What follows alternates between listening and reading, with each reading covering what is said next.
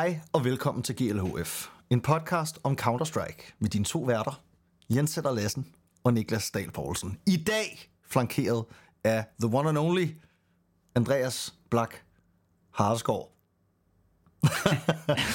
Harskov.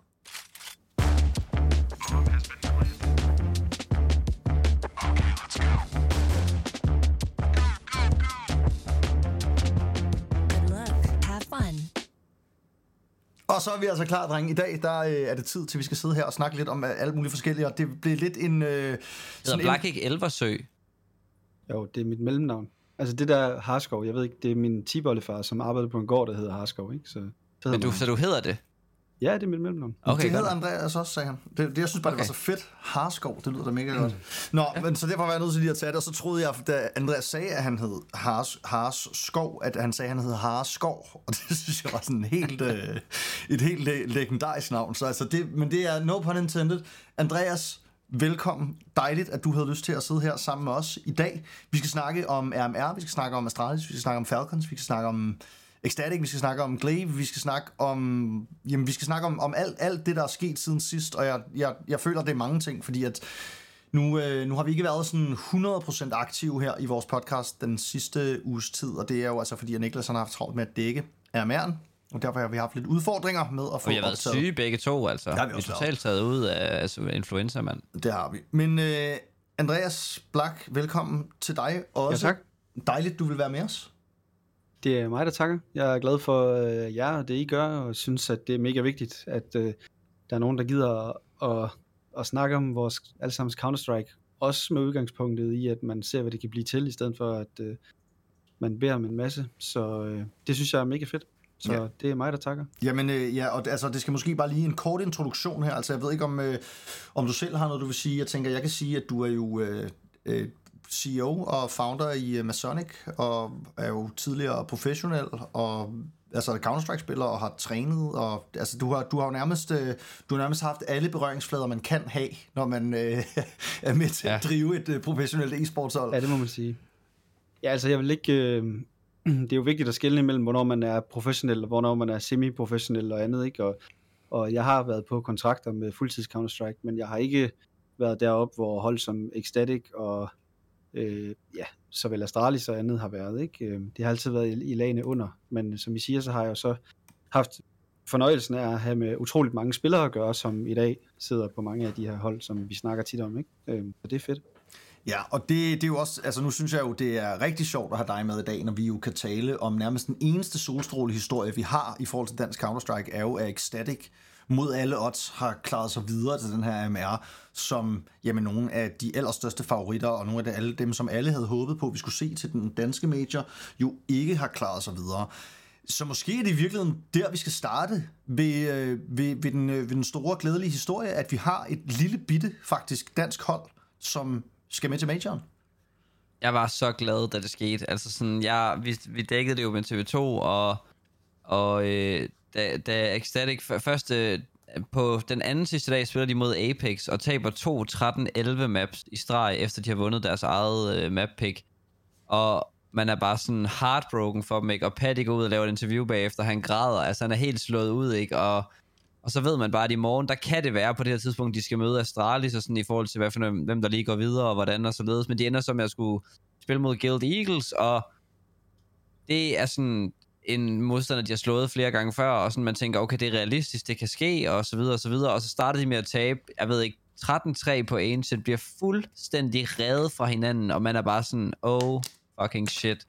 Men, men hvis man har set Ecstatic spille til den her RMR, så har man også set, at det har ikke været et dårligt hold, der har været heldige. Altså, de har spillet god Counter-Strike, og de har altså specielt, synes jeg, hatten af for, for Paddy og hans sådan entry på det her hold, eller hvad man siger, altså, både fordi, at, ja, både fordi han laver mange entries og, og er en super playmaker, men også hans calling, og det er jo et eller andet sted ham på det her hold, der kommer mest sådan øh, ud af det blå, lidt fra de nedre øh, hold, og, og sådan noget af nyeste mand på, på, på line-uppet, og så laver han bare altså god calling, outplayer, dygtige hold, øh, altså sætter jo et eller andet sted Apex til vægs øh, af flere omgange dagen før, og gør det samme med Guild Eagles, og er jo den best rated entry-spiller på T-siden til hele AMR'en med sådan længder.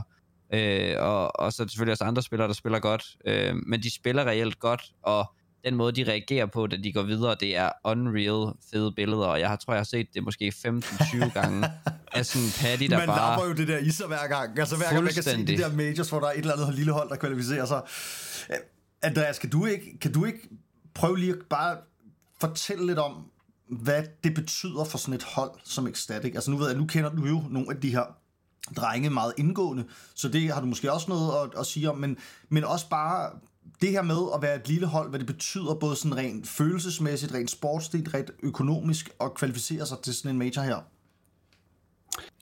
Ja, der er jo rigtig mange sider af, af sagen, ikke? når et hold som, som Ecstatic de kvalificerer sig. Øh, der er jo mange ting ved den RMR-kvalifikation, vi har set her, og til majoren, ikke? Som, som bare gør det endnu vildere. Øh, jeg synes, øh, hvis man sådan skal tage det lidt fra, fra, fra top til bund, nu røg lyden. Undskyld. Øjeblik. fra top til bund ikke? Øh, med Ecstatic og deres kvalifikation til majoren, så, så synes jeg først og fremmest, i hvert fald mig personligt, at, at Jeppe og Thomas hedder de gutterne bagved, og nu Sibel også, som I også kender bagved Ecstatic, øh, at stor ros til dem, især Thomas og øh, Jeppe, de har jo været i gamet længe i dansk Counter-Strike med Lyngby Vikings, og har virkelig øh, foruden, øh, at det er rigtig dyrt og ikke en særlig god forretning at drive Counter-Strike, indtil man gør det, de netop har gjort, øh, så, øh, så er det jo fedt, at de bare har, har blevet ved, også selvom at de har haft sæsoner, hvor de måske ikke har set mega pænt ud, eller de ikke lige kunne få holdene til at fungere, eller så var der en enkelt spiller, der skulle videre, og øh, så uanset hvordan man vender og drejer det, så er det jo virkelig, virkelig positivt for dansk Counter-Strike, at de har holdt ved øh, med deres hold. Øh, så det synes jeg er fedt. Og der er jeg glad for, at en klub som dem, der har netop holdt ved, nu får muligheden for at komme til Major. Jeg er spændt på at se, hvad det gør ved deres setup og deres organisation.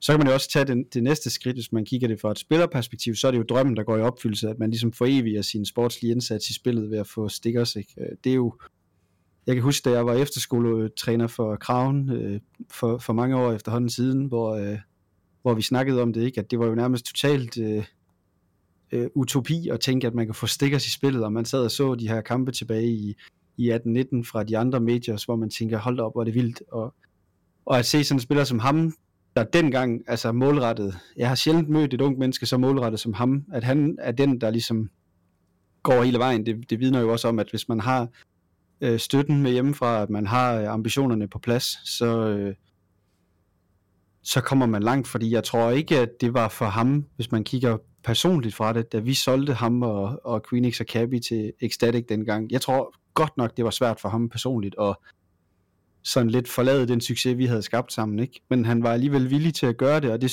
det synes jeg jo, det vidner om en spiller, der, der er ambitiøs, at på trods af en, en personlig relation, som måske er god, så tager man et, et valg, som at er, er måske det bedste for, det ved man jo aldrig, men, men det føles rigtigt for karrieren. Ikke? Jo. Det synes jeg, det siger utroligt meget. Øh, Og apropos støtte hjemmefra, ikke også, så er hans mor jo også ude efter, han øh, kvalder til majoren og tager alle hans øh, impressions ved at være den første af de to, der tweeter ud, og så får hun bare, ved jeg ikke, 2.000 likes, og, øh, og, Ja. og Øh, altså, Hun er jo var- et godt eksempel på, hvordan man kan vælge at gøre det som mor, ikke? Og det, jeg kan da huske til Tobias' studentergilde, hvor jeg ligesom snakkede med Lisa omkring det, og det der, der kiggede vi jo også hinanden i øjnene og sagde, nu er det jo nu, fordi nu er Tobias blevet student, og nu, nu handler det om Counter-Strike, ikke? Og så går der ikke lang tid før det her det er realiseret. Øhm, så, så det synes jeg jo også, det er jo også derfor, jeg skrev selv på, på X, at det er første gang i lang tid, jeg har været personligt investeret i at se et hold gå videre i RMR'en, øh, og nærmest haft helt ondt i maven, når de har dummet sig i runderne og sådan nogle ting. Øh, men det har været fedt, Ja, og det og, er, og det er fedt. Og det er jo også, vi elsker jo alle sammen den der underdog-historie med et hold, som ingen regner med. Altså Flames kan de fleste nok huske, at de ligesom gjorde det, Ecstatic nu har gjort. Altså der, der er jeg bare synes, noget... det her det er større end Flames. Er det bare mig? Altså, ja, nu, kan jeg ikke, nu føler jeg, jeg, føler, jeg føler bare, at Flames var bedre på det tidspunkt, de kom. Altså, de gik den her, de gik den her vej. Er det, altså, er det kun min opfattelse? Det ved jeg ikke. Altså for mig at se, der er det, det kan godt være, at Flames var måske altså individuelt et, på et højere niveau. Det ved jeg faktisk ikke engang. Altså, Hvad der, synes du? Blej? Jeg kan ikke huske det rigtigt. Jeg sad bare med følelsen af, at Ecstatic var langt mere sådan out of nowhere. Jo, det, det, det synes jeg også, at de var. Øh, jeg synes, at Flames havde, havde lidt formået at, at, at gøre det på en anden måde, fordi at de der danske drenge, som havde været på nogle gode hold og nogle ret store klubber, ligesom valgte at sige, nu laver vi et dansk hold og spiller for en dansk klub, som ligesom skal forsøge at gå hele vejen, på trods af, at vi skal gå ned i løn, og på trods af, at vi skal det ene og det andet, ikke? Øh, hvor det handlede lidt om Counter-Strike, hvor man siger, Ecstatic, de kommer lidt den anden vej fra og har bygget det op, kan man sige. Øh, Det tror jeg, det er den store forskel. Ja, Ja. altså, men, men Ja, min det- det- pointe det er i var bare min at, at det her ja. med at have et hold, som...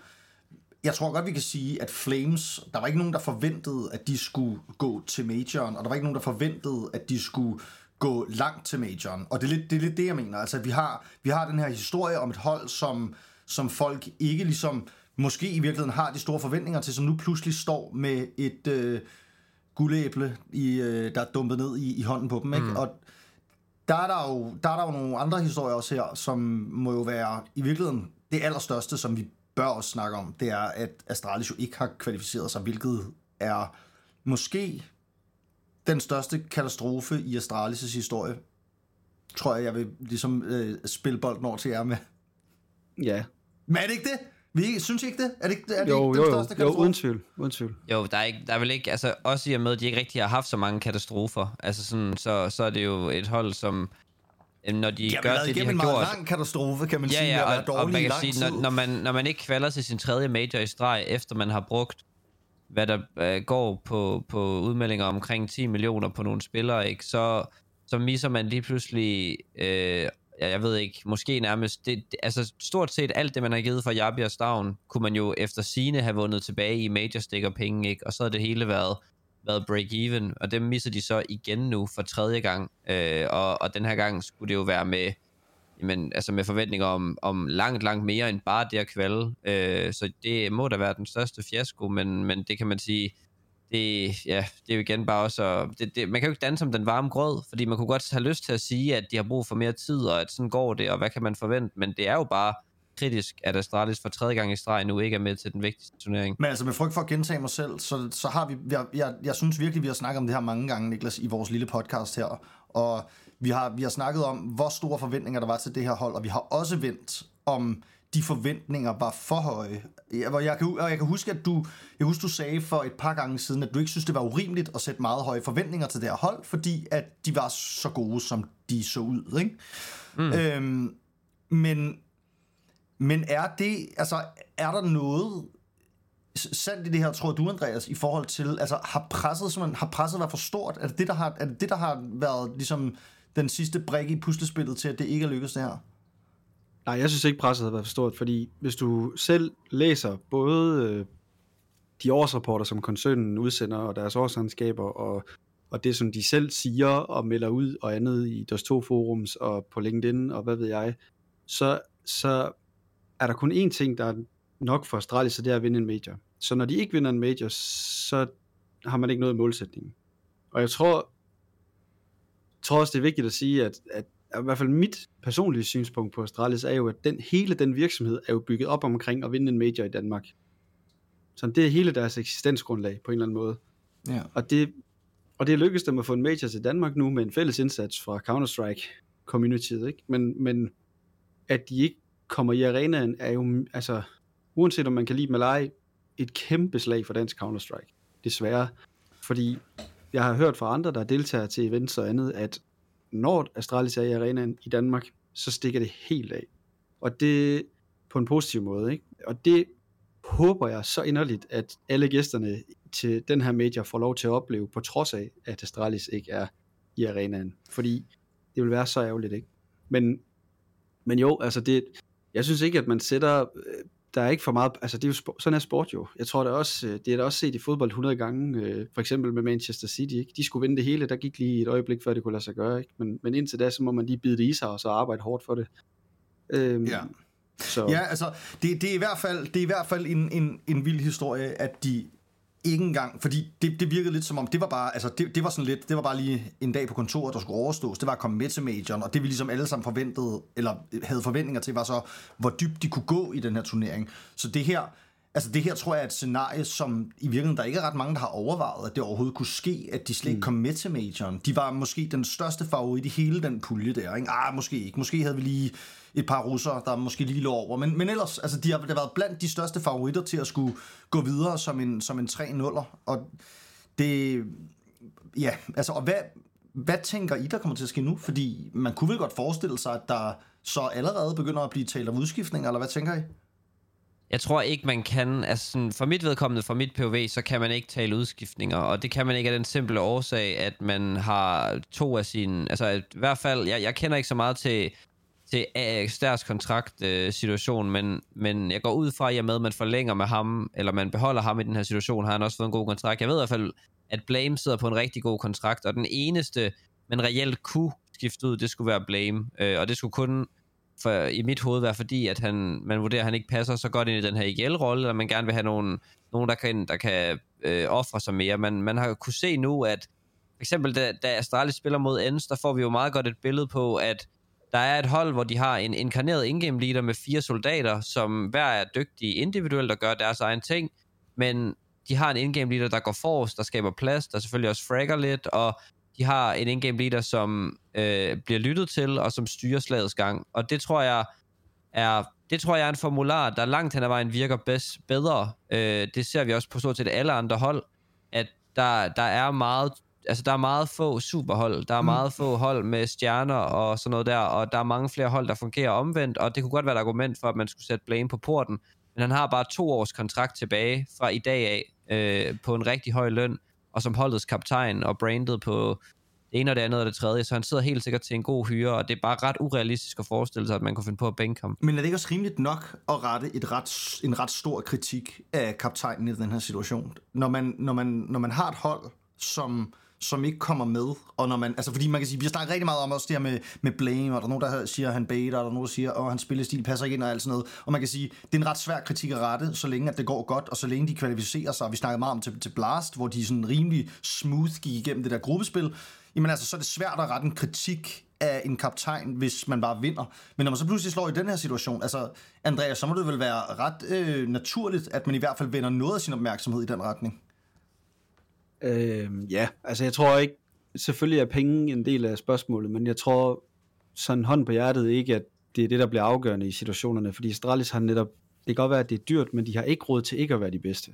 Øh, så, så, så, og de har også ressourcerne til det, særligt efter de solgte deres øh, licens til LCS i Europa. Ikke? Øh, så, så jeg tror, de har noget ballast. Øh, jeg ved også, de har lavet nogle ret stærke partnerskaber i løbet af sidste år, blandt andet deres håndværkerliga og andet. Ikke? Så, så jeg tror, business is booming, hvis jeg skal være helt ærlig. Øh, bortset fra, at man taber, ja nu er det vel nok en små 21-22 millioner kroner på ikke at have været med til tre, tre majors, ikke? Øh, sådan bare øh, i regnskabet, og det, det er ærgerligt. Øh, så, så, men jeg, jeg tror, min, min personlige holdning til det, det er, jeg elsker øh, en ledelsesstil og et ledelsesformat og en, en øh, klubfilosofi, der hedder ekstrem ejerskab, og at man går ind og tager ansvar for hinanden, og måske endda også lidt for meget ansvar nogle gange, og det, det, det savner jeg helt vildt, når jeg hører alle fra Astralis snak. Øh, det er lidt som om, at man har fået bygget et stort selskab, og der er ikke rigtig nogen, der tager ansvar for noget på en eller anden måde, og det, det irriterer mig grænseløst, og det var noget af det, jeg rigtig godt kunne lide, da Kasle var der for eksempel, at der havde man faktisk en træner, der godt turde at gå ud og snakke, og der godt turde at blande sig ind i forum, og der godt turde at lidt ligesom Kasper Julemand på landsholdet, ikke? at det kan godt være, at ikke alle er enige, men, men man, man står ved det, man gør, og man, man går ud og taler om det, og man tør at tale om det, og man tør at, at, at, altså forsvare sit hold på en eller anden måde, også hvis det går galt. Øh, det ja. kunne jeg bare godt savne øh, fra Jamen, de her jeg må, drenge. Jeg må erklære mig enig, altså, og jeg, og jeg synes også, et det perfekte eksempel på det der, synes jeg også er, at vi får et postmatch interview med en fyr på 19 år, der hedder Stær, og ikke en af de tunge drenge med erfaringen, der går forrest på den front. Altså er det ikke... Øh, er det, altså, det, der, det, altså jeg, jeg må bare sige, jeg synes det er...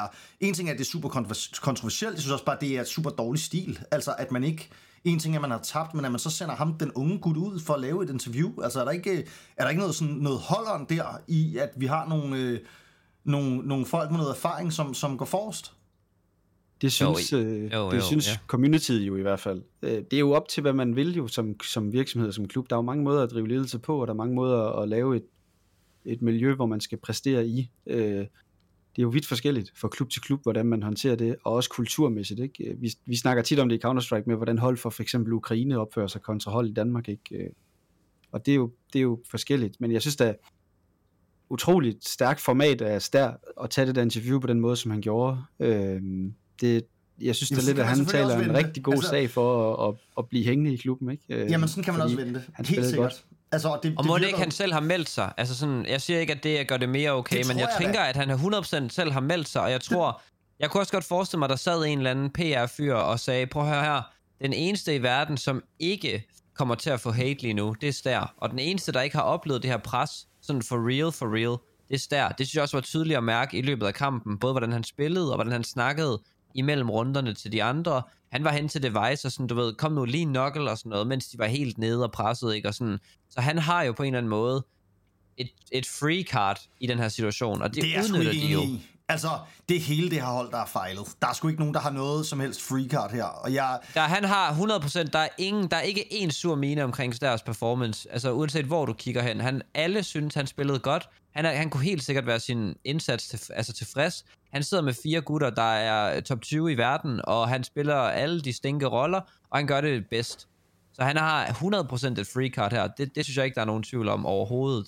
Øh, og det er også det, de udnytter ved at sætte ham til det her interview, fordi alle på en eller anden måde øh, får lidt sympati og kærlighed for Stær i løbet af det her. altså, øh, jeg må, sgu, jeg må sige, jeg må erklære mig enig med The Angry Mob i den her, øh, i den her, i den her situation. Altså, Men der er jo ikke nogen, der er sure på Stær. Nej, nej, men jeg siger bare, den vrede, den vrede øh, menneskemasse, som alle sammen siger, hvad sker der, hvor er, hvor, hvorfor tager I ikke ansvar og sådan noget, det, det, det, det synes jeg sgu Nå, også. den del, jamen det jeg mener jeg jo, jeg siger jeg ikke- synes, ja, ja, er, altså, jeg synes, det er, i. jeg synes, jeg synes faktisk ikke, det er i orden, at man ikke, altså, der vil jeg, der vil jeg virkelig håbe, at hvis det var, hvis det var mig, der stod i den situation, at jeg så ligesom turde sige, okay, jeg skal sgu nok gå ud og tage det interview, selvom at jeg måske er den, der er allermest nede. Eller sådan, fordi at, altså ligesom for at, jeg synes bare det der med sådan at vise, vise holdkammeraterne og sådan noget, man er, man er klar til at gå forrest og sådan noget. Altså det der, det er der mange måder at gøre på. Man kan gøre det på serveren, men man kan, man kan sgu da også gøre det uden for serveren.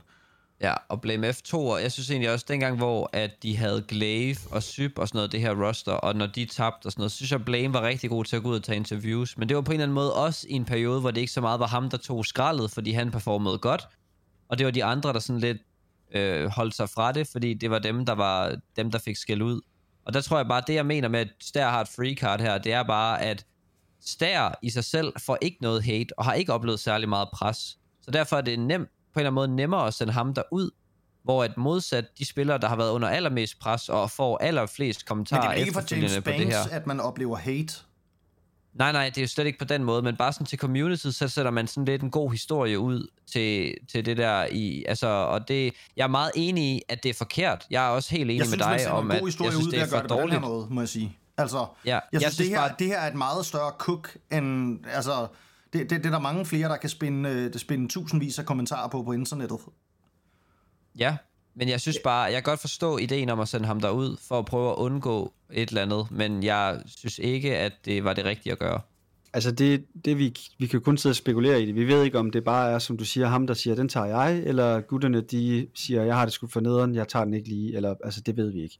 Men en Jeg tror også- jeg tror også, der er meget, øh, der er meget omkring spillet, som man kan sidde som fan, og som folk hjemme i stuerne og sådan noget, og, og gøre sig klog på, og synes en masse ting, men i sidste ende, så ved man det reelt ikke, og jeg synes, det, det, det er for mig helt sindssygt, at det ikke har handlet mere om måden, man gør det på i Astralis, og det handler så meget om spillerne. Altså, det kan jeg slet ikke forstå, hvordan det er spillerne, der skal bære det fulde ansvar for det her. Det, kan, det, det er for mig fuldstændig sindssygt, at man som, som fan ikke forventer mere af sin klub, men sidder og tænker, hvorfor har spillerne ikke spillet bedre, uh, og sådan ting. Det, det, det, er synes sådan jeg er at de for eksempel ikke har en træner, du tænker på her. At de har taget beslutninger, som ender med, at de ikke har øh, deres main-træner altså med til majoren, det synes jeg er dårligt håndteret. Der er blevet skiftet sportslig ledelse alt for sent, hvis du spørger mig. Øh, det er bare min holdning. Jeg tror, at Kasper Straube kan gøre det godt, når han får lov til at arbejde med det. Øh, jeg tror generelt, der er rigtig mange dygtige mennesker derude og derinde ved Astralis, men, men jeg synes, at beslutningerne er blevet taget enten for langsomt, for tøvende, og så ender det alligevel med, at man bruger alle de penge, man efter sine går ud og siger, at man gerne vil undgå at bruge, når man handler, som man gør. Det, det for mig, det, det er lidt underligt. Og, og jeg skal jo så også bare huske på, at jeg har jo slet ikke den indsigt, som de har, dem der skal tage beslutningerne, om ikke andet den uddannelse og erfaring, som mange af dem også har. Så, så det er jo bare mig, der sidder og undrer mig. Øh, men, men jeg synes, det, jeg synes i hvert fald, der ligger et, et stort ansvar ligge der også. Og når man også kigger på de her drenge og måden, de opfører sig på, mimikken, de fremsætter sig selv med på kamera, når de taber og alle sådan nogle ting. Igen synes jeg også bare, hvor er dem, som skulle lave et hold i alt det her? Det kan godt være, at drengene de er individualister og dygtige spillere og sådan noget, men der er der nogen, der er blevet tasket med at lave et hold. Hvor er de henne i alt det her? Mm. Og det er jo ikke lykkes, umiddelbart. Man må gerne være sur og trist, når man taber, det er slet ikke det, men, men Men det er jo tænker du bare... ikke, at det er det sådan noget, Straube er hentet ind til? Altså, det er også der, hvor jeg føler, at der er gået et eller andet galt, fordi jeg troede egentlig, at han var en sådan løsning på noget af det her sådan smørelse, der manglede på holdet. Og at også fordi, at Jo. han jo, jo, er jo, hentet ind bestemt. til Stavn og sådan noget, som de var glade for fra før og sådan nogle ting her. Jo, bestemt. Men jeg tror, på, jeg tror 100% på, at alle sammen er ekstremt dygtige. Og jeg tror, jeg ved også, at BMF er dygtig. Og jeg tror, det er det samme med Huxi på G2. Hvis man... Der var jo ekstremt meget hate, apropos det hate, vi snakker om til Huxi, ikke, på G2-holdet, og folk var endda, de der kommentatorer, de var endda så modige ud at sige, nu har vi set, hvad du gør, Huxi, du har ødelagt Nikos karriere, kan du så pisse af, altså, Mm, mm. Ja. øh, apropos. Ja. Øh, men hver gang man spørger spillerne, så er der kun gode ting at sige om Huxi. Og, og der gad jeg også godt bare, at vi ventede lidt med at og de, altså bes- bestemme som fan, hvad synes man om Blame F, indtil man har hørt dem, der rent faktisk spiller sammen med ham, hvad synes de om Blame F, når, hvis og når de kommer til at sige noget om det. Øh, fordi det, det tror jeg også er, er ret vigtigt. Så jeg, jeg synes bare, der er så mange ressourcer i den klub, og så mange dygtige mennesker, og det er for mig et stort mysterie, at man ikke har formået at skabe et look udad til, som er mere, det er også imod verden-agtigt, hvis man skal sige det sådan lidt, også imod verden, ikke? Det føler jeg bare overhovedet ikke, at Astralis er lige nu, og det synes jeg bare er ærgerligt, øh, fordi at det er en klub, der kan rigtig mange ting, og har gjort rigtig mange ting for dansk og international Counter-Strike, så, så, det, at det er gået lidt i glemmeren, det synes jeg er ærgerligt.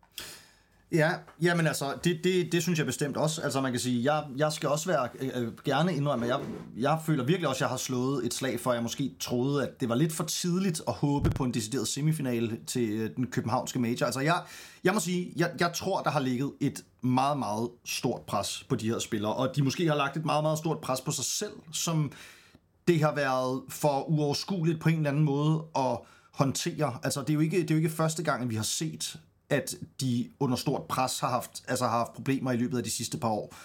Øhm, men altså, ja, jeg, jeg skulle... Øh, jeg, jeg, jeg er spændt på, altså jeg er spændt på, hvad, hvad det her det kommer til at betyde, både for dansk Counter-Strike som helhed, men også bare for Astralis, og også for billetsalg til, til København Major. Nu ved jeg ikke, der er vist tæt på udsolgt, så vidt jeg ved, men altså kan man fylde en arena nu, hvor Astralis ikke skal spille? Fordi de fleste, der har siddet og kigget på den her RMR, har jo haft en forventning om, at vi skulle se Astralis i arenaen. Øhm, og det, øh, ja, det, kommer, det kommer vi jo så ikke til nu.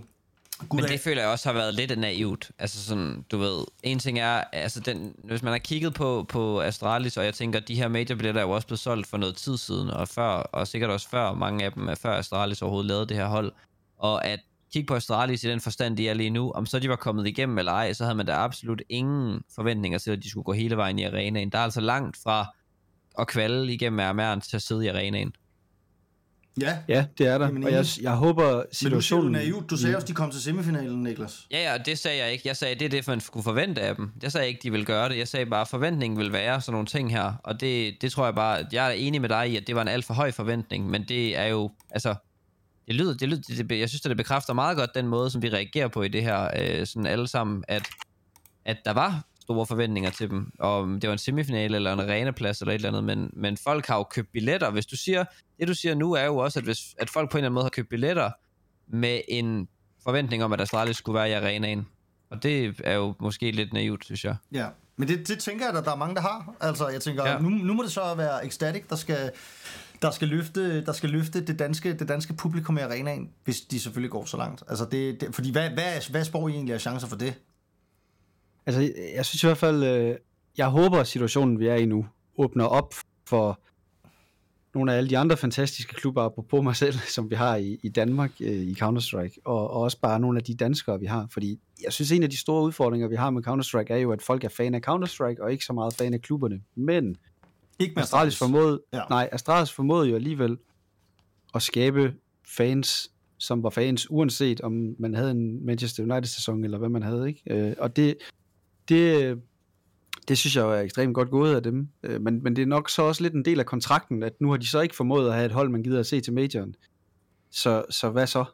Men, men er, det så, ikke- er det så ikke det, vi kan fokusere på her i virkeligheden? Altså hvis man skal fokusere på noget positivt, at det her måske kan være en mulighed for, at vi kan åbne den danske Counter-Strike-scene lidt op, så at det ikke bliver så meget Astralis' hjemmebane, men mere de danske Counter-Strike-holds hjemmebane.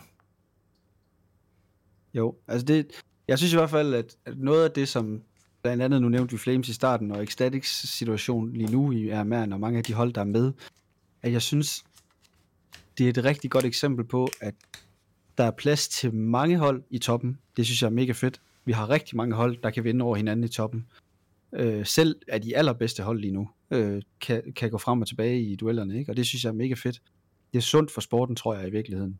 Øhm, og så synes jeg også, at det vidner også om, at, at der ikke, øh, altså, det kan godt være, at en spiller har en dårlig sæson eller en dårlig periode i et system på et hold, men så kan man sagtens komme over og være caller, apropos Snappy, da han joinede Ends for lang tid siden, apropos Glaive, der lige har joinet Ends, øh, det nye Heroic, som er sammensat af en ny AVP, man henter fra Prezi, plus to udlænd, øh, udlandske spillere, ikke? Øh, og, og, og det vidner bare om, at Counter-Strike, det er bare så, mere, det er bare så dybt i den forstand, at, at man på papiret ikke bare kan tage de fem bedste gutter, og så, mm. og så vinder man. Det er ikke sådan, Ja. det fungerer. Øhm, så, så det synes jeg jo bare, som nørd, som, som en, der elsker spillet og gamet, så synes jeg, det er mega fedt at være fan af, af Counter-Strike og følge med i Counter-Strike lige nu, fordi det, det er vores sport, den er begyndt at kunne, ligesom i fodbold og håndbold, og altså, at, at man, man kan sætte hold sammen på så mange måder, øh, det synes jeg bare er fedt. Ja, og noget af det fascinerende er måske også, at dem, det, altså det går jo så tit sådan her, og vi, vi, bliver altid, vi bliver altid forundret over, at dem vi regner med, så ikke pludselig ser så gode ud, som vi regnede med, og dem, der vi så ikke regner med, de ser pludselig gode ud. Og det perfekte eksempel er vel her, nu nævner du ham også, øh, Black, men Glaive, som jeg tror, at ikke nogen har forventninger til. Der er ikke nogen, der har forventninger til det der indhold. Alle har ligesom tænkt, okay, hvorfor har han sagt ja til det? Altså, er det, skal han bare lige ind, og øh, det er hans, øh, det er hans bedste, bedste chance for at... Øh, for at få et eller andet øh, wildcard til nogle, øh, til nogle stickers, eller hvad, hvad er det lige, der foregår der, og så kommer de frem og ser bare bravende gode ud. Mm. Det, det, altså, jeg ved, jeg, jeg havde slet ikke forventet det, og jeg havde frygtet det værste for det der projekt. Jeg, jeg troede virkelig ikke på det. Og nu øh, må man jo bare sige, at altså, alle ens øh, fordomme og, og forventninger og sådan noget til det projekt er jo gjort lidt til skamme nu, fordi de, de mm. ser faktisk pisse gode ud. Men jeg synes jo, det spiller meget godt ind i den snak, du lidt starter, Black, og som jeg, eh, altså jeg har tit tænkt, vi skulle have den her faktisk også tre, fordi det var vildt spændende, at vi skal ikke have den nu, men, men det her med sådan dynamikkerne i Counter-Strike, og et hold, og roller, og personligheder, og alle sådan nogle ting her, fordi nej, man kan bare ikke tage de fem bedste, og på en eller anden måde, så er vi jo igen et eller andet sted lavet os snyde af, at Astralis har gjort netop det, og forventet, at det skulle lykkes, som om, at det nogensinde har lykkedes før. Altså, det har det jo nærmest aldrig. Jeg tror, det her Face Clan hold, der blev samlet helt tilbage med Nico og Kerrigan og Olaf Meister og det der, det lykkedes vist okay, men udover det har vi jo nærmest kun set de her slags hold floppe. Vi så det samme med Cloud9 for fem minutter siden, og alligevel så forventer vi, at når Astralis gør det, så skal det virke. Og det er på en eller anden måde, og inklusive mig selv, altså jeg har selv siddet og forventet, at det ville blive røvgodt, og nu sidder jeg og tænker, jamen så kigger jeg på Glaive og Ends, og, og jeg kigger på Kylar og Goofy og tænker, de var altså average at best, inden de kom til det her Ends-hold, og det var på en Ja. ren lotto at de har et, et RMR-spot fra, fra deres gamle Nine-core, ellers så får de aldrig muligheden for at gøre det her. Og så tager Glaive dem, og øh, måske Kuben, og gør dem gode. De spillede individuelt sindssygt godt, begge to, på skift. Og det er sådan, det er bare sådan det der med, at, at, at der er sådan en stærk kaptajn, der ved, hvad hans plads er på holdet, og in-game leader, og alle de her ting, og måske har en naturlig øh, flair for de her ting, man skal kunne. Og så har han fire soldater, som selvfølgelig skal være dygtige, og alt sådan noget der, og det virker bare, og det ser vi jo også, igen, Heroic er et fantastisk eksempel. Sore, som endnu en gang er med til at samle et hold af spillere, som bare passer sammen, blandet med lidt folk, han ikke kender så godt, og nogle folk, han kender rigtig godt, blandet med sådan en som Kyksan, som han ikke ved, han skal forvente fra, og Nikodos, som er et bravende tier 2-talent på det her tidspunkt, men som ikke helt ved, hvad man kan forvente af på tier 1, og bum, det klikker bare, og det overrasker os alle sammen. Og det er, sådan, det er bare sådan, det må være det, vi begynder at kigge efter, i stedet for at, at håbe på, at Astralis får de fem bedste spillere i verden, fordi det har de jo basically nu. Men Altså, altså, sådan jeg kan ikke, man mindre, kan ikke lade være med at sidde og føle sig sådan lidt dum over, at man har tænkt, åh, Glaive, mand, og det, det er sgu slut, og han er ikke god nok til Astralis mere, og altså... Men det var han jo ikke i Astralis, altså, men det- det siger var også- han jo men ikke. Nu, nu er jeg bare vendt på tallerkenen og tænker, okay, men hvad kunne der egentlig være sket, hvis nu det havde været Glaive i stedet for Blame på Astralis? Ja, kunne han så have ja. gjort det samme med dem, som han nu har gjort med... Altså, hvis han kunne gøre det med de der fire polakker, så kan han sgu også gøre det med de, der øh, stjerner der i Astralis. Det vil man tænke, det vil man tænke. Jeg tror, at noget af det, som... Øh, jeg ved ikke, var det også os, der snakkede om det i går, Black? Nej, det var det ikke. Det, men, men noget af det, der også er sjovt med for eksempel roller og sådan noget, det er jo, at sådan en som Stavn har jo været vant til at spille mange ting, som jeg tænker Blame F for eksempel spiller nu, fordi han har haft en Orb in-game leader før, ikke? Og nu skal Stavn for første gang, jeg ved ikke, I guess i sådan hele hans sådan reelle tier 1 professionelle karriere, spille med en in-game leader, som ikke er Orber. Og hvordan gør man overhovedet det? Fordi han har jo ikke rigtig prøvet så meget andet. Og så Nej. står der, der står der nogle clashes der, ikke? Og sådan, det er bare sådan nogle små ting, man måske ikke rigtig lige har tænkt over, eller i hvert fald ikke vurderet som store eller vigtige nok. Nej, jeg, jeg synes også, i forhold til de der gutter på øh, Glaives hold, ham Hades, der er deres AVP, jeg tror, for mig, det var så overraskende, at da han, øh, han spillede for et hold, der hed Wisla Krakow, øh, tilbage i 21-22, vil jeg tro. og der, øh, der mødte vi dem i en eller anden seriekamp, da jeg selv var spiller, og der gik han 0-15, da vi vandt over dem. Og så ugen efter, så joiner han det der Nine-projekt, det der polske hold, og så kvalder de så bare til sådan noget IM Rio, eller et eller andet fuldstændig sindssygt, ikke? Altså sådan, og jeg synes bare, det vidner om, hvordan nogle gange så lykkes det at sammensætte nogle mennesker, der får det bedste ud af hinanden, eller har så meget vind i ryggen, eller så meget personlig motivation, at de får det bedste ud af sig selv. Jeg tror da helt sikkert, Glaive har været meget i tvivl om, hvad han skulle, øh, og jeg tror måske også endda, da han sagde ja til at join et hold som Ends, at han har tænkt, det bliver spændende at se, hvad det kan give, uden at vide det 100%, ikke? Øh, så kommer han ind på et hold, og jeg synes, hans stil på mange måder i det, i det spil, han spiller der, minder meget om, nu snakker du om dynamikker, ikke? men minder meget om, øh, minder meget om det, som Snappy også lykkedes med i det tidligere ends lineup, at man skaber plads for hinanden på kortet, sådan at de kan udnytte de styrker, de har på spillerne. Og jeg synes ikke, at man ser på samme måde, at Astralis har lykkes med at skabe plads på serveren i de runder, de har spillet, som mange af de her øh, ja, internationale mixhold, som det er jo blevet på mange hold, ikke, har været gode til. Øhm, så det, det er lidt svært. Men jeg, jeg synes også, hvis vi skal runde Astralis-delen af, jeg synes også, at, at man det er jo bare det der med, at man begynder, så skifter man om i trænerne, så laver man om i sportslig ledelse og sådan noget, men man, man gør det bare på nogle tidspunkter og på en måde, hvor at, altså, for mig, det giver ingen mening, at man vælger at sige farvel til Kastle på det tidspunkt. At man ikke ser det igennem efter majoren med Kastle for eksempel, og så siger, det var sådan, det gik, fordi man kan jo alligevel ikke få en træner, som, som var bedre end Kastle, han har sagt, ikke? Øh, Før efter majoren alligevel. Så det er sådan, det er sådan nogle ting... er vist available, tror jeg. Ja, men det er sådan nogle ting for mig, at man ikke som hold eller som klub og som organisation sætter sig ned og siger, okay, det er det her kort, vi har på hånden, nu skal vi lige have, øh, nu skal vi lige øh, ramme den her lige røven, ikke? Og så tager vi den på den anden side, fordi det er sådan, ja, jeg synes bare, man skaber noget ustabilitet, Ja. øh, som er unødvendigt. Og det Øh, er jo... det, også det totalt nådesløse er jo, at det er jo spillerne, der står med det. Den, sådan, det er en rodebutik i sidste ende, ikke? Og, og dem, der også skal tage alt skraldet fra alle, der sidder og synes ting om spillestil, eller hvem der skal tage interviews, eller, altså, og det er jo, altså i virkeligheden blakser rundt, og det er jo også meget godt af i forhold til det, du indledte med at sige, i forhold til det her med, jeg savner lidt en, en organisation, der ligesom går forrest, så vi ikke altid bare skal, øh, altså at spillerne på en eller anden måde bliver sådan lidt en skydeskive for, for ja. alt, hvad vi ligesom, hvad, alt, hvad alle vores frustrationer over at være Astralis-fans og danske e-sport-fans, det er ligesom, det er de der fem gutter der, der skal gå forrest på det, øh, og i virkeligheden så burde der jo være en stødpude før dem på en eller anden måde, ikke? Men, men nogen, der, der, der tog nogle beslutninger over dem, og det, ja, jeg synes, det er øh, virkelig, virkelig gode pointer, Black. Øhm, jeg, jeg kunne egentlig godt tænke mig, at vi nåede at snakke lidt om, fordi jeg ved godt, vi, er, vi, vi bruger jo tiden her, det kan vi godt lide, men, men vi lige nåede at snakke en lille smule om Falcons, som jeg nu har måske i, både på, på scenen, men også her i vores podcast, der stået lidt i skyggen af, at vi har snakket om nogle andre, der, der ikke klarede sig igennem. Mm. Det er jo vel også en kæmpe skuffelse, af, både for, for spillere og trænere, og sådan, men også for, for det her powerhouse af et projekt, som de ligesom har stablet på benene, at de ikke skal med til majoren.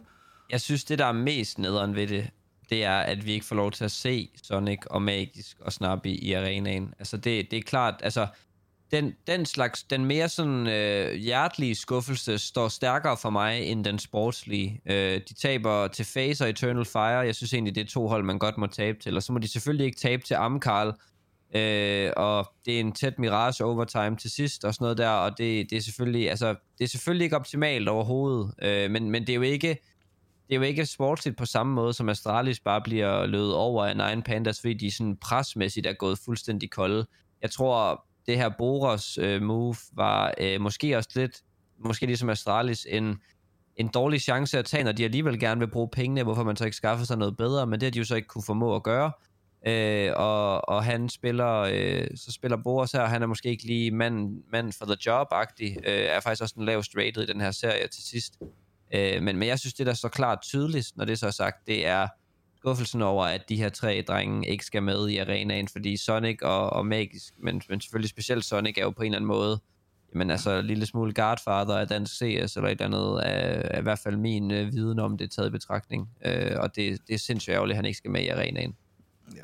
Ja, det runder ja. vi på en måde også meget, meget godt af her, for at, at, at vi, vi står i en major nu med meget, meget få af de der Øh, altså, der er jo, der er jo en, hel, øh, en hel række af danske legender, som vi kunne se i den her scene, som vi nu ikke kommer mm. til at se. Ja, det, det sjove er, hvis man kigger på Falcons performance, hvis man sådan bare helt nøgternt tager de briller på, der er der jo faktisk ikke rigtig nogen af dem, der spiller dårligt. Altså alle har positiv rating. Jeg tror, udover calleren, så er Martin den, der har lavest rating med 1.05 på 28 maps. Ikke? Det er jo fint. Øh, men Snappy kører så 1.85, hvor jeg egentlig synes, man... 0.85. ja, 0.85, undskyld, ja. Hvor jeg synes, man har været vant til at se ham ligge på de her 95-98 stykker, så han har altid været god, øh, tilstrækkeligt god som caller, øh, har haft nogle gode runder. Og der synes jeg bare, at vi ser rigtig mange dueller fra hans side af, og, og situationer, hvor så dinger han måske lige modstanderen, så de har 10 liv, men så får han ikke lige gjort duellen færdig og sådan noget. Han har egentlig regnet dem ud, og har snydt dem, og taget et bedre, bedre beslutning. Øh, så det er lidt ærgerligt. Øh, Tror du ikke også, at han, han overkompenserer en lille smule for en spiller som Boras? Altså det, jeg, jeg føler godt, at han kunne være typen, der, der påvirkes meget af, at der ikke bliver spillet ordentligt og sådan nogle ting her. Det er bare rent sådan noget, jeg kan stå ud. Jo, jeg tror ikke nødvendigvis, jeg tror godt snart, vi kan holde til kaoset i runderne, der måske er. Jeg tror godt, han kan holde til, han er ikke sart, tror jeg ikke. Øhm, nej. Det tror jeg ikke, man kan være, og så have lavet det, han har gjort, og lykkes nej, nej, med det, han det er nok gjort. rigtigt. Men, men jeg tror, du har helt ret i, at sådan en spiller som Boris har nok ikke været så vokal og styrende på hans område øh, som hans tidligere spillere har kunne være øh, på det område. Og det, det, nu bliver det meget teknisk, men det er jo det der med, at man har en caller, der selvfølgelig styrer slaget, men, men det er rigtig, rigtig godt at have spillere, der kan i deres område, lad os nu sige, at han er centerløg eller hotløg på New ikke?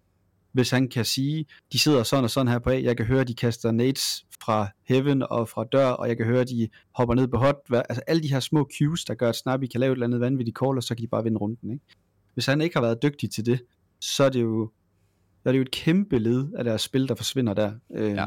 Og det, det, det, er jo sådan noget, det er jo rigtig CS-notteri, men det er svært at finde, øh, finde ud af, om det er sådan. Øh, jeg kan til gengæld godt forstå det valg, de har taget med at tage over i, i en klub som Falcons, ikke? fordi det er jo, det skulle jo så være der, man kan få drømmene til at gå i opfyldelse som, som spiller, ikke? og som træner. Øh, ja, det må jo også være det, der er et endnu, altså, der, der sviger endnu mere. Ikke? At man har truffet mm. den beslutning, som jeg tænker for de fleste måske har været et kompromis øh, på nogle punkter, øh, som jeg ikke vil gå så meget ind i nu, men altså ligesom har valgt et projekt, hvor de tænker, okay, men her har vi potentielt uendelig mange penge til at lave det fedeste Counter-Strike-projekt i historien. Altså der tænker jeg bare, der, der må det, det, må, det må svige endnu mere så på en eller anden måde, at det så ikke lykkes. Ikke? Og det... Jo og, og også, altså nu kan man sige, vi, har, vi, havde, vi havde en virkelig dejlig episode med Snappy, som man kan, man kan lytte til, hvis man har lyst. Øh, den ligger noget tid tilbage efterhånden, men som er et lille portræt af ham, hvor han taler lidt om sin Counter-Strike-filosofi, og også taler om det her med, at han, altså at han på en eller anden måde jo har blevet ved med at skulle bygge projekter op fra bunden, hvor han har skulle tage, han har fået solgt sine bedst præsterende spillere, og nu skulle finde nye folk på den øvre tier 2 scene, som man så ligesom skulle bringe ind og få til at fungere i det her system, han spiller. Hvor nu endelig på en eller anden måde står han her inden majoren, er klar til at skulle øh, spille med et hold, hvor at vilkårene er anderledes end dem, han har været vant til, og så, jamen, så ikke lykkes. Altså, det må bare... Ja, den må, sgu, den må være så hård, altså. Men er det ikke igen også bare en frugt af den her roster mania jo. for et halvt år siden, som, som bare på en eller anden måde løb lidt for langt af slæb, og ikke blev helt færdig i tide, og der var bare mange hold, der de hold, der på en eller anden måde har fået de vildeste lineups, er jo nok også de hold med spillere, hvor det tager længst tid for dem at mash. Altså, det, Black, det, det er min teori, så må du lige rette mig, hvis, det, hvis jeg tager fejl. Men jeg tror, jo, jo dygtigere og øh, mere man fylder, og mere sådan øh, etableret man er i sit spil, jo sværere er det jo sjovt nok at blive et hold. Og der tror jeg bare, at de hold, der har fået de vildeste lineups sådan på papiret, har sværest ved at, bl- at mix på kort tid. Og derfor så tror jeg, det, det vi har set er, at sådan nogle hold som Astralis og Falcons har fejlet, og så er der hold som Ends, øh, der for eksempel er lykkedes, hvor måske top, forhåbentlig topformen hos de to tidligere nævnte skulle være højere, jamen så tager det bare lidt længere tid at finde den. Det øh, kan sagtens være, øh, du har ret i meget af det, du siger der. Det, det tror jeg også lidt på. Altså jeg tror, jeg tror også, det handler meget om, som du siger, med måden, man tænker Counter-Strike på. Altså jeg er jo selv øh, ekstremt stor Snappy-fan, og er mega ked af, at det i hvert fald tidligere på de hold, han har været på med Optic og Heroic, eller Heroic, Optic og så Heroic igen, og så noget, der hedder Contact senere, og så ends. Ikke? Det er sådan, det, jeg synes, det har været kedeligt at se, at han har været løsningen at skifte ud. Altså det har været løsningen at skifte Snappy ud, hvor at det jo tydeligvis viser sig, at hans måde at tænke CS på, og hans system, det virker så fremt, at der er nogle spillere, der er villige til at, at inkorporere sig selv i det system. Og det, det synes jeg er mega fedt, fordi jeg tror, han har bragt det lidt tilbage, det, med ens øh, helt tilbage fra, på 2021, det der med, at man godt kan løse runderne, uden at have en, en, en stor opsat taktik med nogle bestemte nades på et bestemt tidspunkt. Man kan godt vælge at spille på de styrker, man har på alle spillerne, og så er det udgangspunktet. Det er stilen. Øhm, I stedet for, at man, man prøver noget andet. Og, og det tror jeg, det er en af de store ting, vi ser i Counter-Strike nu, og indtil næste major til, til vinter igen. Det der med stile, at det udvikler sig til at blive en meget mere sådan sat i stenen ting i Counter-Strike, hvis man kan sige sådan set en stone, at der er nogen, der har en stil, en måde at gøre det på, så er det det, man bliver mega god til. Og så skal man jo så kunne finde ud af at variere i sin stil, når man møder noget, øh, som, som, som er bedre mod den måde, man løser runderne på. Øh, det, det synes jeg er mega fedt, men det tror jeg, vi kommer til at se en stor udvikling på, og så synes jeg jo bare, at det har været katastrofalt for, på vores sport, vi ikke har haft en, en decideret transferperiode, sådan at der ikke er det endnu, at, at spillerorganisationen ikke engang har meldt ud, hvornår der er ferie for spillerne, og der er bare mega mange ting, som der, der ender med at påvirke det hele, hele kredsløbet på en dårlig måde, synes jeg. Øhm, det er lykkes nu at få et større overblik med, at vi har en, en forårsmedier og en vintermedier på en eller anden måde, ikke? og det er sådan, vi gør det fremadrettet, og det, det tror jeg er rigtig godt, fordi så kommer vi til at se sommer- og vintertransfer, og så, så er det sådan, det er. Det tror jeg er rigtig sundt for spillet. Øhm, Ja, Men, altså, øh, det men har nej, været rent det- kaos det sidste, altså, det snart det sidste år, har jo bare Ja. været sådan fuld, øh, fuld øh, pose, der er bare blevet rystet og rystet. Altså, det, Ja. det, det, er sådan, det ser ud nærmest på de hold der, ikke? Og jeg tror også, der er mange klubber, der har bygget hold, hvor de den ene uge har været sikre på to navne eller tre navne, og så næste uge, Ja. så var de bare overhovedet Ja, ja. ikke sikre på Ja, de navne. Øhm, og det har, det har også været specielt at navigere i, tror Ja. jeg, som klub. Øhm, og som holdkammerat også. Altså, det der med, at man ikke ved, hvad man skal spille med i næste uge, ikke? det må være vildt. Men, men det er jo også bare sport i en nødskal. Men, øhm, I hvert fald CS. men jeg synes, øh, jeg synes det, bliver, det bliver spændende at se, hvordan det kommer til at udvikle sig med, hvornår man skifter hold og ikke skifter hold. Ja. Øhm, Det gør det. det Jamen, det bliver Og spændende. der er lige, altså, der er lige GLHF uh, retake breaking her, at uh, Monty har ikke valgt at forlænge med Som Young, det er vanvittigt. han er simpelthen ude. Okay. Det, er, det er sgu ret overraskende, Ja, det må jeg lige sige. Det kommer meget bag på mig. Det elsker, når vi kan jeg lave breaking hvorfor. news. Altså, men jeg, jeg føler faktisk, vi er ved at være, vi er ved at være ved Ja, ja, det var bare her. lige en breaking news, og så men lad det det slut på den. med en breaking news. Og dagens donk må være, at donk han var sgu ikke så god. Altså, han var bare almindelig god. Han var fin nok. Ja, og altså, så er der også dagens donk, at han skal spille sit første blast-event til Showdown om 10 dage, og det dækker vi selvfølgelig. Det gør vi nemlig, og det tænkte jeg faktisk også lige, vi lige skulle knytte en lille kommentar til, fordi vi er jo nogle, øh, nogle mennesker, der har en skrue løs, som er kommet til at købe Blast, og derfor så viser vi det her på Retake, hvor at, øh, vi jo også sidder og sender den her podcast live lige nu. Jeg vil gerne have lov til at sige tak til alle, der lytter med. Tak til alle vores øh, sponsorer på tier. Ja, tusind kan vi ikke kalde dem det? Skal vi ikke kalde dem vores sponsorer? Fordi det lyder sådan, Jo, som om vi er mere cool. Så. Øhm, og tak Black til dig, fordi du har lyst til at være med. Jeg, jeg kunne godt tænke mig, at du blev sådan lidt et fast, et fast indslag en gang Ja, jeg sad her. faktisk også lige og tænkte, om vi ikke skulle høre ham ad, om vi skulle have ham på øh, hver gang. Bare hver, ellers- nej, måske bare en gang om måneden.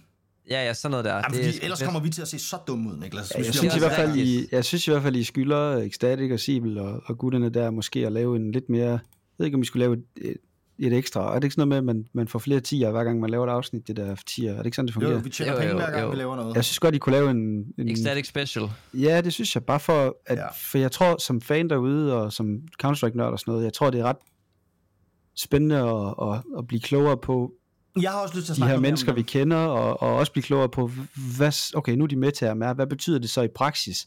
Øh, hvem sørger for flybilletterne? Hvor meget tjener man egentlig? Hvordan får man egentlig de her stikkerpenge? Og hvordan får man de her penge? Jeg lover jer, når de får sticker money, altså de får verdens største Steam Wallet. Det er jo sjovt, det er jo sådan noget, ikke? Vi andre, vi er jo vant til at lægge penge ind på vores Steam Wallet. Nu får de penge på deres Steam Wallet, ikke? Og det er sådan, det, det bliver, det, jamen, der var mega mange sjove øh, måder og ting, som man ikke ved så meget om, hvis ikke man kommer til medier, som er sjovt at snakke om. Nej, men altså, jeg, jeg er så klar på en Ecstatic Special, og det er også, altså, og det er jo faktisk lidt, problemet er jo lidt, at nu, nu startede vi lige med at snakke om solstrålehistorien i Ecstatic, men, men problemet er jo lidt, at vi kommer til at bruge så meget tid på dem, der ikke har klaret den, fordi at det, altså på nogle punkter kan føles lige så sensationelt, at de hold, som vi alle sammen regner med, ikke klarer den, end der så faktisk er et hold, der, der klarer den, og det er jo også derfor, at Ja, det hele føles lidt rodet lige nu, men jeg synes 100% sikkert, lad os lave en, øh, en Ecstatic Special. Det kan være, at vi faktisk måske kan lave den her en af dagene i denne uge. Det kan vi lige kigge på. Øhm, Ja, det synes jeg, og så er det jo bare vigtigt at sige, majoren er jo også, eller RMR'en, begge RMR har været godt, øh, et godt eksempel på, hvordan alle de etablerede og dygtige spillere, der tror, de kan en masse ting, de skal stadigvæk knokle helt vildt. Hele verden ligger ikke for fødderne af dem, hvis ikke man sveder for det. Det, det synes jeg er et godt eksempel. Ikke? Altså, jeg tror godt nok, der er mange af de der hold, hvor, hvor, hvor de er kommet videre til majoren, som altså spiller usunde mængder meget Counter-Strike for at, at Ja. indløse deres strøm, øh, og det skal de skulle have ros for, ikke? Altså, det, ja, Absolut. kæmpe fornøjelse. Jamen, øh, tak for i dag. Tak fordi I har lyttet med. Husk, I kan lytte på alle øh, jeres podcast tjenester derude. Bare søg efter GLHF, og hvis I har lyst til at støtte projektet, så kan I altså via tier donere et øh, lille beløb løb per lille beløb øh, per øh, episode.